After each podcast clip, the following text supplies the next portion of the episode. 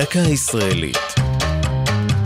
השבוע, מכון ויצמן, לציון 70 שנה להקמתו, והפעם, המחשב הראשון.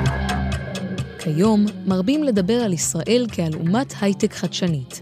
אך כבר בראשית קיומה עמדה המדינה בחזית הקדמה הטכנולוגית בזכות המחשב האלקטרוני הראשון בארץ ואחד הראשונים בעולם, וייצק, ראשי תיבות באנגלית של המחשבון האוטומטי של מכון ויצמן.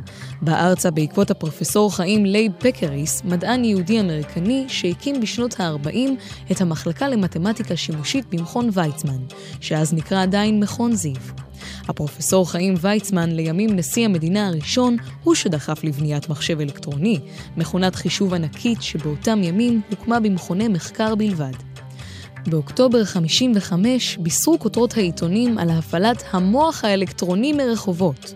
תוכניות המחשב נוקבו על סרט נייר ושימשו למחקרים בפיזיקה וכימיה, וגם לצרכים צבאיים.